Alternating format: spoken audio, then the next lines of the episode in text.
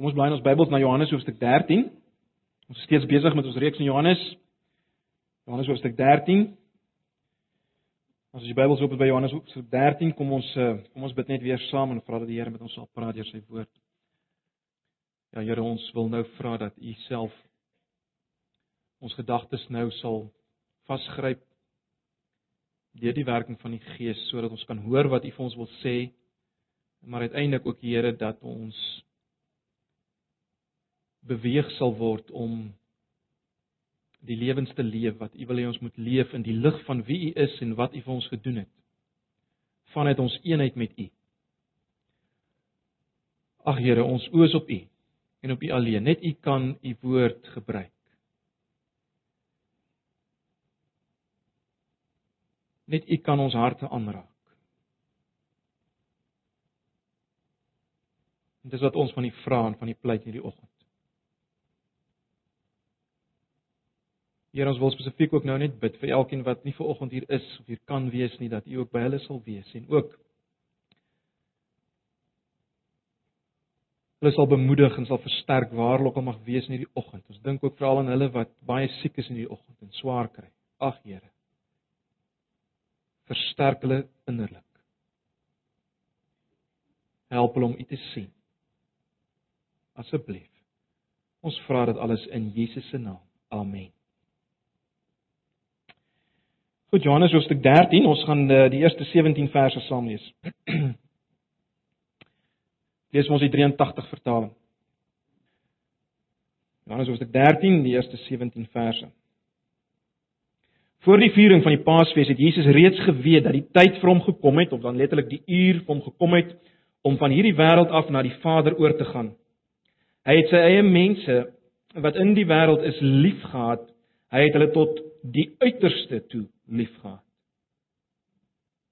Jesus en sy disippels was aan tafel. Die duiwel het ook klaar vir Judas seun van Simon Iskariot op die gedagte gebring om Jesus te verraai. Jesus het geweet dat die Vader alles in sy hande gegee het en dat hy van God gekom het en na God teruggaan. Toe het hy van die tafel af opgestaan, sy boekleed uitgetrek en 'n handdoek gevat en om hom vasgemaak. Daarna het hy water in 'n wasskottel gegooi en begin om sy disippels se voete te was en dit dan af te droog met die handdoek wat hy omgehad het. Toe hy by Simon Petrus kom, vra die vir hom: "Here, gaan U my voete was?" En Jesus antwoord hom: "Wat ek doen, begryp jy nie nou nie, maar later sal jy dit verstaan." Maar Petrus sê vir hom: "U sal in alle ewigheid nooit my voete was nie." Daarop sê Jesus vir hom: "As ek jou nie was nie, het jy nie deel aan my nie." Simon Petrus sê te vir hom: "Here, dan nie net my voete nie, maar ook my hande en my gesig." En Jesus sê vir hom: "Hy wat klaar gebad het, is heeltemal skoon. Hy hoef later niks meer as sy voete te was nie. En julle is nou skoon, maar nie almal nie." Jesus het geweet wie hom sou verraai, daarom het hy gesê: "Julle is nie almal skoon nie." Toe hy hulle voete klaar gewas en sy boekleed aangetrek het en weer aangesit het, sê hy vir hulle: "Verstaan julle wat ek vir julle gedoen het? Julle noem my julle leermeester en Here en julle is reg, want ek is dit. As ek wat julle Here en leermeester is, dan julle voete gewas het, behoort julle ook mekaar se voete te was. Ek het vir julle 'n voorbeeld gestel en soos ek vir julle gedoen het, moet julle ook doen. Dit verseker ek julle, 'n slaaf is nie belangriker as sy dienaar nie en 'n gesant ook nie belangriker as die een wat hom gestuur het nie. Julle weet dit nou. Gelukkig is julle as julle dit ook doen. Probeer jouself vir 'n oomblik die toneel voorstel wat hier voor die oë van die verdwaaste disippels afspeel. Die disippels uh as jy jouself die prentjie kan voorstel, hulle lê leun op dun matjies uh langs 'n larige tafel, uh, soos wat die gebruik was tydens die tydens die Paasmaaltyd. Gewoonlik het hulle op die op die linkerarm gelê met hulle voete uitwaarts, ehm um, weg van die tafel uitgestrek. En dan ewe skielik terwyl hy so lê, staan Jesus op van sy maatjie. En klaarblyklik het Jesus opgestaan toe die ete alreeds aan die gang was, nê? Nee, toe die maaltyd reeds aan die gang was. Nou, dit was al klaar ongekend omdat uh die voetewassing gewoonlik plaasgevind het voor die maaltyd, nê? Nee, voor die maaltyd uh is die gaste se voete alreeds gewas. soos hulle aangekom het uit die aard van die saak. En uh, dit sê alreeds vir ons broers en susters dat dat dit wat ons hier het uh gaan nie regtig net oor vuil voete was nie. Hier is iets meer. Alreeds hier sien ons dit. Uh dis die simboliese betekenis wat op die voorgrond staan, né? Nee. Maar hoe dit ook al sê, Jesus staan op van sy maatjie. Ehm um, terwyl die disippels vir hom kyk. En uh mens kan jouself voorstel die disippels was verstom, verbaas. Uh dit wat hier gebeur het was ongehoord. Uh dit was totaal anders as wat hulle verwag het. Dit was ongelooflik. Johannes die skrywer beskryf dit redelik dramaties vir ons, né? Nee, Julle sou dit opge, opgetel het, redelik dramaties beskryf hy vir ons hoe hierdie gebeure ontvou. Hy wil as te ware hê ons moet ons moet die prentjie weer eens sien. Jesus trek eers sy bokkleed uit en dan draai hy 'n handdoek om sy middel en dan buig hy begin die disippels se voete was een vir een en dit afdroog. Baie dramaties beskryf Jesus dit. Of uh, Johannes dit althans. Maar waarop kom dit neer? Dit wat hier gebeur. Wat sien die disippels regtig? Wat sien hulle? Wel, broers en susters, Jesus word voor hulle oë 'n slaaf. Dis wat hulle sien. Jesus word 'n slaaf voor hulle oë. Hy het letterlik fisies nou die uitrusting van 'n slaaf aan, né? Hy verneder hom tot die laagste vlak.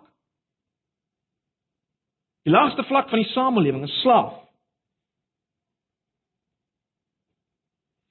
Kry net weer die prentjie in die oog. Jesus op sy knieë van een disipel se voete na die ander. Op sy knieë. Die teologiese waarheid van Filippense 2 vers 6 en 7 word natuurlik hier uitgebeeld, nie waar nie? Hy wat gelyk was aan God, het homself verneder en uiteindelik die gestalte van 'n slaaf aangeneem. Die menswording van Jesus uh, word hier dramaties voorgestel. God het waarlik mens geword, ja, slaaf geword, né? Nee, dis wat ons hier sien. Tot die uiterste toe, tot die ondenkbare te verneder homself. Nou dis dis natuurlik vir ons met ons agtergrond moeilik om die die heeltemal die gevoelswaarde van hierdie ding vas te gryp. Uh heeltemal te voel wat hulle gevoel het. Ek meen uh slawewerk was vir hulle iets wat 'n Jood ten minste in elk geval nie gedoen het nie. Uh slawe is verag. En daar was geen slawe by hierdie ete gewees nie. Jesus word die slaaf. En broers en susters, as ons vir 'n oomblik dink, wie is hierdie wie is hierdie een op sy knieë? Wie is die een beweeg op sy knieë van een disipel na die ander? Wie is hy? Wel, hy is die een waarvan ons in vers 3 lees dat die Vader het alles in sy hande gegee. Reeds in hoofstuk 1 van Johannes Evangelie het ons gelees alles het deur hom tot stand gekom. Niks wat tot stand gekom het, het sonder hom tot stand gekom nie. Dink aan Kolossense 1 vers 16 en 17. Alles het deur hom tot stand gekom en alles hou of word deur hom in stand gehou. Elke ding word in en deur hom in stand gehou. Dis die een. Dis die een wat nou daar op sy knie is van disipel tot disipel. Hoekom? Hoekom doen hy dit? Hoekom gaan Jesus tot hierdie uiterste toe? Vers 1 gee vir ons die aanleiding, né? Nee, Kyk weer na vers 1. Voor die viering van die Paasfees het Jesus reeds geweet dat die tyd vir hom gekom het om van hierdie wêreld af na die Vader oor te gaan. Hy het sy eie mense wat in die wêreld is liefgehad. Hy het hulle tot die uiterste toe liefgehad. Nou vers 1 dien as te ware as as 'n as 'n as 'n inleiding tot die hele hoofstuk. Ons sien reeds hier dat Jesus as gevolg van sy eenheid met die Vader en uh soos ons by die vorige geleentheid gesien het, uh die oomblik toe die Grieke verskyn het, het Jesus geweet dit waarvoor hy gekom het, die uur het nou gekom, né? Nee, dis belangrik. Hy het geweet wat nou wag, maar vir ons vanoggend belangrik om raak te sien, hy het sy eie liefgehad, liefgehad tot die uiterste toe. Dis die punt wat ons wil raak sien of moet raak sien vanoggend. Hy het sy eie liefgehad tot die uiterste toe. Wie sy eie? Wel, dis die mense wat hom uh gevolg het en hom geglo het, sy menswording aanvaar het. Dis van wie hy hier praat, né? En en en hierdie uitdrukking Hy het sy eie mense liefgehad tot die uiterste toe. Hierdie uitdrukking, as ek dit so kan stel, ehm uh, vorm die atmosfeer waarbinne alles wat nou gaan gebeur, gebeur. Die voetewassing, uh die maaltyd, die bogesprek daarna waarna ons nog sal kyk en uiteindelik die kruisiging word gedra deur hierdie atmosfeer. Hy het sy eie liefgehad, liefgehad tot die uiterste toe. Dit is belangrik om dit raak te sien. Hierdie atmosfeer as jy wil, hou staan dwars deur hierdie hele pad van lyding en bereik uiteindelik sy sy hoogtepunt aan die kruis. Jy sien ons moet dit verstaan. Dit wat Jesus hier besig is om te doen op sy knieë, doen hy in liefde. Onoortreffelike, menslik onbegryplike liefde. En dis die hele atmosfeer van hierdie gedeelte. Maar goed, kom ons staan nader aan die struktuur van hierdie gedeelte. As julle miskien net daar in julle Bybel sal kyk, sal volg. Uh Vers 2 tot 5 van hierdie gedeelte beskryf bloot die daad van Jesus se voete was, nê, nee, dit wat hy fisies daar gedoen het terwyl hy aan tafel was. En dan volg daar twee interpretasies van hierdie voetewassing as jy wil.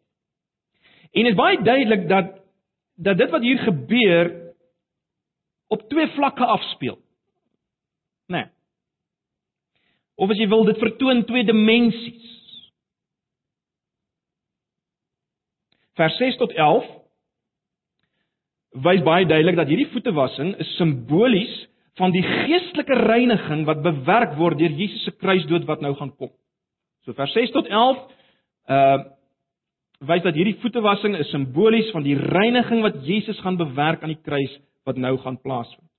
En dan aan die ander kant vers 12 tot 17 uh toon aan dat hierdie voetewassing van Jesus is die standaard en die voorbeeld vir nederige diensbaarheid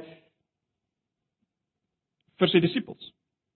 Dis 'n oproep as jy wil uh vir die volgelinge van Jesus om net so te maak. Om mekaar net so te dien. So dis min of meer hoe die hoe die stuk in mekaar sit. So kom ons kyk net weer na vers 6 tot 11. nou broers en susters, ons moet verstaan dat Jesus hier op sy knieë besig om slawewerk te doen was 'n groot verleentheid vir die disippels. Moenie 'n fout maak nie. Dit was 'n verleentheid vir hulle gewees. Nie een van hulle was bereid om dit vir mekaar te doen nie. Julle sal weet hulle het heeltyd geredeneer wie's die grootste nou eintlik onder hulle? Wie's nou eintlik die belangrikste onder hulle? Kyk, hulle hulle sou verseker bereid wees uh om Jesus se voete te was. Hulle sou Jesus se voete was. Ek meen, dan kan jy daarom so 'n bietjie eer ook uit die uit die storie kry as jy Jesus, die meester se voete was. Maar dit was 'n groot verleentheid. Die feit dat Jesus hulle voete gewas. En dan kom Petrus, tipies ou Petrus. Ehm uh, hy reageer op hierdie ongemaklike situasie. Hy is die driftige voortvarende een uh en jy sou gesien het hy sê: "U my voete was, nooit gesien nie." Jy kan amper sien hoe Petrus sy voete terugpluk Dit gaan nie gebeur nie. Tot in ewigheid sal U my voete nie was nie. En hierdie weiering van Petrus gee nou aanleiding uh tot verdere gesprekvoering. Jesus begin nou die diepere betekenis van hierdie daad begin hy uitlig. Dis wat ons nou kry. Kyk na vers 7. Jesus sê: "Wat ek doen, begryp of verstaan jy nou nie, maar later sal jy dit verstaan." Waarop dui die later wel, dit is nie net 'n paar oomblikke later nie, dit verwys uh na die kruis en die opstanding. Na die kruis en die opstanding sal jy werklik verstaan wat hier aangaan. En dit wys vir ons klaar dat hier 'n dieper betekenis is wat wys na iets dieper, né? Nee. En dan maak Jesus 'n baie veelzeggende uitspraak uh in vers 8b. As hy sê: As ek jou nie was nie, het jy nie deel aan my nie vers 8b. As ek jou nie was nie, het jy nie deel aan my nie. Nou waaroor gaan die deel hê? Wel, dit gaan oor deel hê aan die aan die verheerlikte Jesus, né? Nee. Uh deel hê aan die hemelse erfenis wat wat hy bring. Deel hê aan die ewige lewe, die lewe waaroor Johannes skryf.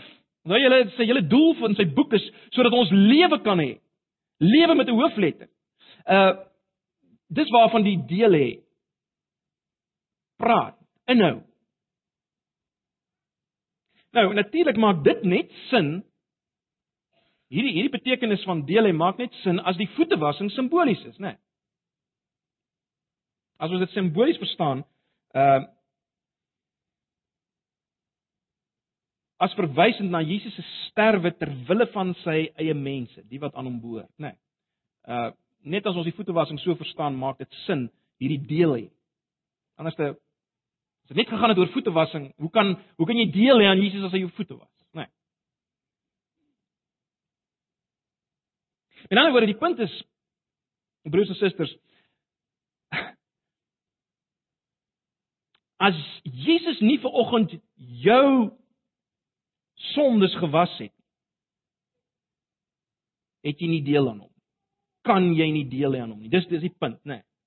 kan jy nie lewe hê hierdie voetewassing is bloot maar uh, simbolies. 'n afbeelding van die reiniging wat die gevolg is van Jesus se werk aan die kruis wat gaan volg. Die volkomme reiniging die skoonmaak. Dis net 'n afbeelding daar Nou weer eens Petrus uh baie tipies voortvarend uh snap onmiddellik wel hier hier's voordeel te trek uit hierdie storie. So uh Jesus was my dan heeltemal as as ek as, as ek deur die was kan deel en doen dit dan heeltemal. Was my van top tot tone. En en daardeur wys hy dat hy nie werklik nog verstaan dat Jesus op 'n dieper vlak praat nie, nê. Nee, jy het nou al gesien in Johannes Evangelie dikwels ehm um, dink mense op een vlak en Jesus praat op 'n dieper vlak. Nou, ons het dit 'n paar keer al gesien. Uh Jesus praat op 'n dieper vlak en mense sien dit bloot fisies. Hulle dink aan die fisiese ding. En dis Petrus ook. Hy dink net hier in die lig van sy uitspraak dink hy fisies oor hierdie ding terwyl Jesus praat oor iets groter, die deel hê aan sy sterwe en sy opstanding en alles wat daarna kom. Dis waaroor Jesus praat. En dan gee Jesus 'n antwoord op Petrus se misverstand in vers 10. As Jesus sê, hy wat klaar gebad het, hy wat gewas is soos die 53 vertaling dit stel, hy wat klaar gebad het, is heeltemal skoon. Hy hoef later niks meer as sy voete te was nie. En julle is nou skoon, maar nie almal. Nou dis 'n vers wat baie mense al baie uitleggers al baie laat kopkrap het. Ehm um, hoe presies moet jy dit vertaal en so meer. Die groot punt en dis belangrik om die groot punt net raak te sien. In hoofsaak word hier beklemtoon dat die reiniging wat Jesus deur sy dood bewerk en waaraan 'n mens deel kry deur geloof, is 'n eens en vir altyd saak. Dis 'n volmaakte ding. Dis eens en vir altyd afgehandel. Dit maak volkome skoon. Dis die groot punt hier. Dis wat ons moet raak sien. Met ander woorde, uh Jesus se sterwe is nie halwe werk nie, nê. Nee. Dit maak jou heeltemal skoon. Uh dis wat Jesus wil hê die disippels moet verstaan, maar hulle, hulle sien dit nog nie regtig so nie.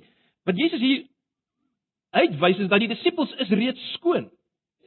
Nou onmiddellik as hy dit sê, as hy sê julle is reeds skoon, dan dan uh dan weet ons dit gaan hier oor iets dieper, oor iets iets meer as die fisiese voetewassing want almal van hulle se voete was nou nog nie fisies skoon nie, nê. Nee, hy nou nog nie Petrus se voete gewas nie, nê. Nee. En tog sê Jesus julle is skoon. Petrus ingesluit. So julle sien, dit gaan verseker nie oor die fisiese vuilheid of fisiese skoonheid nie. Nee, hy praat oor iets meer. Hy praat oor iets meer. Wat hy wil sê is deur hulle geloof in hom is hulle reeds skoon en dit wat hy aan die kruis bewerk het al reeds effek op hulle as ek dit so kan stel. Dis hulle posisie nou, hulle is skoon. En die die voetewassing is maar net 'n simboliese aanvaarding en deel uit daaraan. En daarom uh is die punt wat Jesus wil maak, uh dis eintlik oorbodig om om nou jou Petrus om nou jou hele lyf te was, is heeltemal oorbodig. Die voete was staan vir die feit van my volkomme reiniging. Jy hoef nie nou nog die res van jou lyf te was nie, dis oorbodig. So dis waarskynlik die groot punt wat Jesus hier wil maak. Dit mag wees dat Jesus nog iets meer wil sê dat hy wil 'n vergelyking tref tussen iemand wat uh volkome homself gereinig het, gebad het en nou na reis het hy net nodig om om sy voete te was.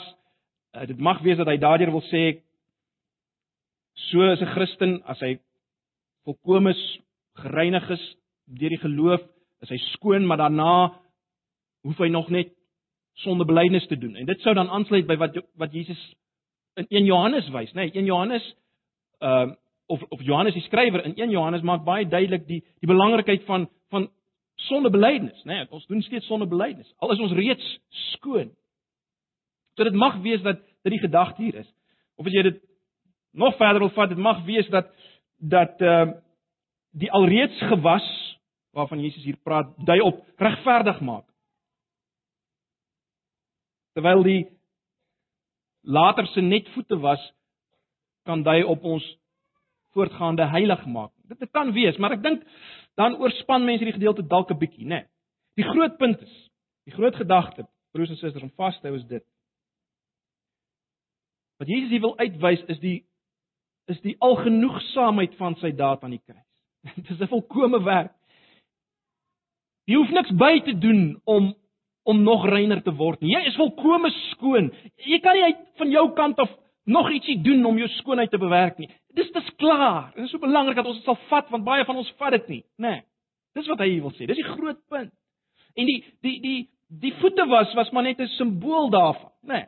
Dis net 'n simbool daarvan en daarom sou dit geen sin hê Petrus om die res van jou lyf te was. Dis wat Jesus wil sê. Dis wat hy wil. Vraag wat onmiddellik natuurlik opkom is wat van Judas want dit lyk tog dat sy voete ook gewas is deur Jesus. Wat van Judas? En is duidelik daarvan dat hy duidelik dat hy nie skoon is nie vers vers 10b en uh, vers 11 dui daarop. Ten spyte van Jesus se liefdesdaad bly sy hart verhard, né? Hy bly ongelowig. Nou broers en susters, sonder om hierop uit te brei, uh, mense kan nou baie hieroor spekuleer. Die punt is maar net dit wys dat geen uiterlike seremonie, geen uiterlike ding, selfs al voer Jesus dit uit. kan 'n mens red nie, né? Nee. Dis die een kant. Aan die ander kant, dit wys vir ou dat sonder geloof in Jesus, sonder dat jy dit van toepassing maak en dit en dit vat deur die geloof, baat dit jou niks. Dis dis die geval met Judas. Dis die geval met Judas. Maar goed, dit was dan nou die eerste deel, né? Nee. Die eerste interpretasie eerste vlak waarna ons gekyk het. Kom ons kyk nou na vers 12 tot 17. Ons nou gekyk na die feit dat dit wat Jesus daar doen is 'n afbeelding van wat hy gaan doen aan die kruis, aan die volkomme werk wat hy daar gedoen het. Vers 12 tot 17 het ons gesê hier kry ons nou 'n voorbeeld vir ons. Julle sou sien dat Jesus sê, "Verstaan julle wat ek vir julle gedoen het?" Vir julle die die die klem wat ons hier moet sien, dit waaroor dit eintlik hier gaan, is Jesus se liefde vir hulle. In sy voetewassing en in die kruisiging wat gaan volg, staan sy liefde vir hulle voorop. Dis baie belangrik, né? Nee. Dis 'n demonstrasie van Jesus se uiterste liefde. So as hierdie voetewassing 'n voorbeeld is vir ons, wat bedoel Jesus? In hoe mate is dit 'n voorbeeld vir ons? In hoe mate moet moet ons dieselfde doen? Wat beteken dit? Beteken dit ons moet vir ons almal skotteltjies kry by ons huise en as iemand kom dan was ons ook nou fisies hulle voete? Nee. Jy's nie. Hier hierdie was klaar 'n simbool van iets anders. Dit gaan oor die navolging van hierdie diepte dimensie van liefde. Dis wat ons moet navolg. Dis hoe ons ook doen dit wat Jesus gedoen het, né? Nee. Dit is natuurlik nie vreemd in die Nuwe Testament om te wys dat dit wat Jesus gedoen het ons ook moet doen nie. Natuurlik nie presies op dieselfde vlak met presies dieselfde effek nie, maar ons moet dit ook doen.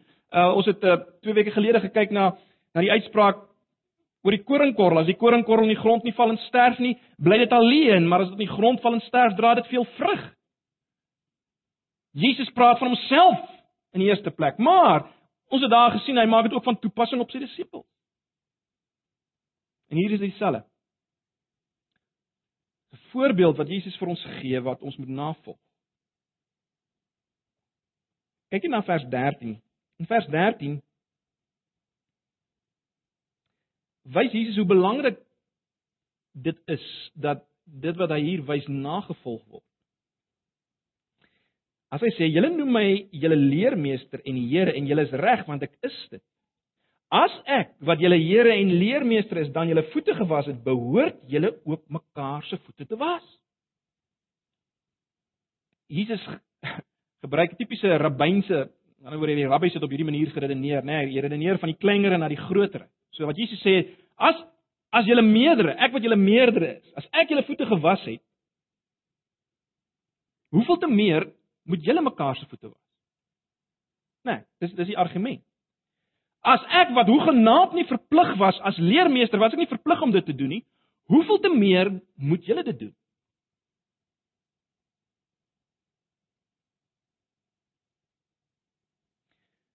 Of as jy dit anders wil stel, ek het die ondenkbare ding gedoen om julle voete te was.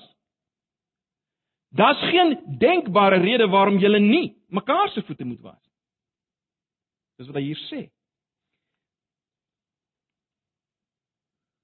Ons ken al die uit, uitdrukking woorde wek maar voorbeelde trek en ek dink dis die rede waarom Jesus dit uitgebeeld het met 'n voorbeeld om dit vas te slaan dat hulle mekaar se voete moet was. Nou baie belangrik broers en susters, ehm uh, Jesus is nie maar net 'n voorbeeld vir ons. En dit wat hy hier doen, is nie maar net 'n los voorbeeld vir elke ou op straat uh was ander mense se voete nie. Nee, hy praat in die eerste plek met sy mense, die wat deel het aan hom, wat deur hom gewas is. Geestelik gesproke. Hulle moet hierdie voorbeeld raak. Dis met hulle met hulle praat hy. So dis nie maar net so algemene voorbeeld vir almal, goeie tip nie. Spesifiek vir die mense wat aan hom behoort, reeds gewas is deur hom wat in 'n een eenheid met hom is, nê. Nee. In vers 16 kap Jesus finaal die spyker vas. Kyk net na vers 16. Dit verseker ek julle, 'n slaaf is nie belangriker as sy eienaar nie en 'n gesant ook nie belangriker as die een wat hom gestuur het nie. Wat is die punt wat Jesus wil maak? Wel, is baie duidelik. Geen slaaf het die reg om enige taak as benede hom te sien as sy meester dit gedoen het. Daar's nie 'n manier hoe jy dit kan doen nie. Jy sien Jesus druk hulle in 'n hoek as ek dit so kan stel, nê. Nee. Geen gestuurde kan homself verskoon dat hy nie 'n werk kan doen wat die een wat hom gestuur het gedoen het nie. Niemand kan dit doen. Daar daar daar da bestaan nie 'n geldige verskoning nie. Daar bestaan nie 'n geldige verskoning nie. Dis wat Jesus wil sê. Kyk net hoe sluit hy af. Is is, is dit nie geweldig nie? Vers 17. Julle weet dit nou. Julle weet dit nou. Gelukkig is julle as julle dit doen. Dis eintlik 'n wonderlike belofte. Gelukkig is julle as julle dit doen. Broers en susters, daar kan geen onduidelikheid wees oor die ontsaglike belangrikheid van hierdie tweede dimensie wat Jesus hier insit of wat wat Johannes hier uitlig en wat Jesus hier insit nie. Kan geen onduidelikheid wees daaroor nie. En tog is dit nie so dat ons ons het so baie verskonings om juis nie dit te doen nie. Om juis nie opofferende, nederige liefde wat gesimboliseer is deur Jesus se voetewassing om dit nie toe te pas op mekaar nie. Ons het soveel verskonings, is dit nie? Dit is baie interessant. Ek gaan nie lank hieroor praat nie, maar dit is baie interessant. Jesus het basies 3 dinge geweet toe hy die disippels se voete gewas het. En daai drie dinge blaas al ons verskonings weg. Weet nie of julle dit opgemerk het nie. Wat is ons verskoning dikwels hoekom ons nie nederige diensbare liefde wil uitvoer nie? Wel, een van ons uh verskonings is ek is net te besig. Ek het te veel dinge om aan aandag te gee. Ek meen, ek sit met hierdie groot krisis by my huis. Ek het hierdie groot ding wat ek moet aan aandag gee. Hoe op aarde kan ek nou uitreik na Piet of Sunny. Ek bedoel ek het hierdie groot krisis. Ek meen ek sit met hierdie Nee, dis een rede wat ons gee. Dink 'n bietjie aan Jesus, vers 1.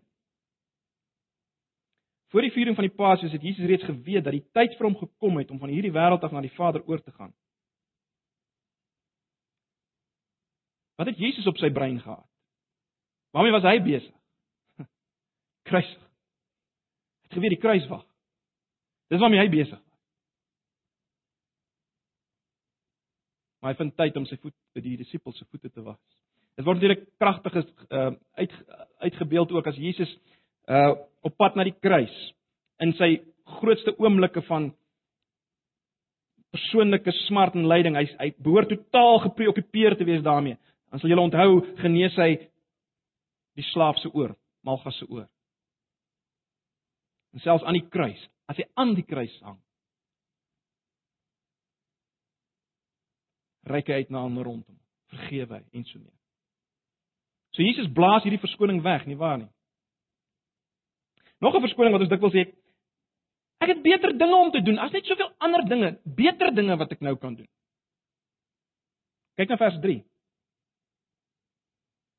Jesus het geweet dat die Vader alles in sy hande gegee het en dat hy van God gekom het en na God teruggaan. Dis die beter dinge wat Jesus gehad het om te doen. Dis die beter dinge wat hy gehad het om te doen. Hy het van God gekom en hy is besig om terug te gaan na God. Maar hy was die voete van sy disippels. Laaste verskoning wat ons dikwels sê is Wat help as ek reik so uit na mense? Hulle stel my net altyd te leer. Hulle gooi dit terug in my gesig. Kyk wie is die mense hier rondom my? Wel kyk na vers 11. Jesus het geweet wie hom sou verraai. Jesus het geweet van Judas. En ons weet Petrus het hom uh het hom nie verraai nie, het hom verloon. Jesus was hulle voete. Hy het geweet wie hulle is. So ag broers en susters. Dit is baie belangrik dat ons dit sal vat vir oggend, die belangrikheid van hierdie tweede aspek wat hier uitgelig word.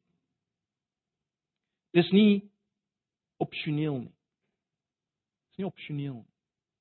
Dis vir die wat aan hom behoort, 'n absolute oproep. Ek dink ons kan sê dis 'n wonderlike belofte in, nê.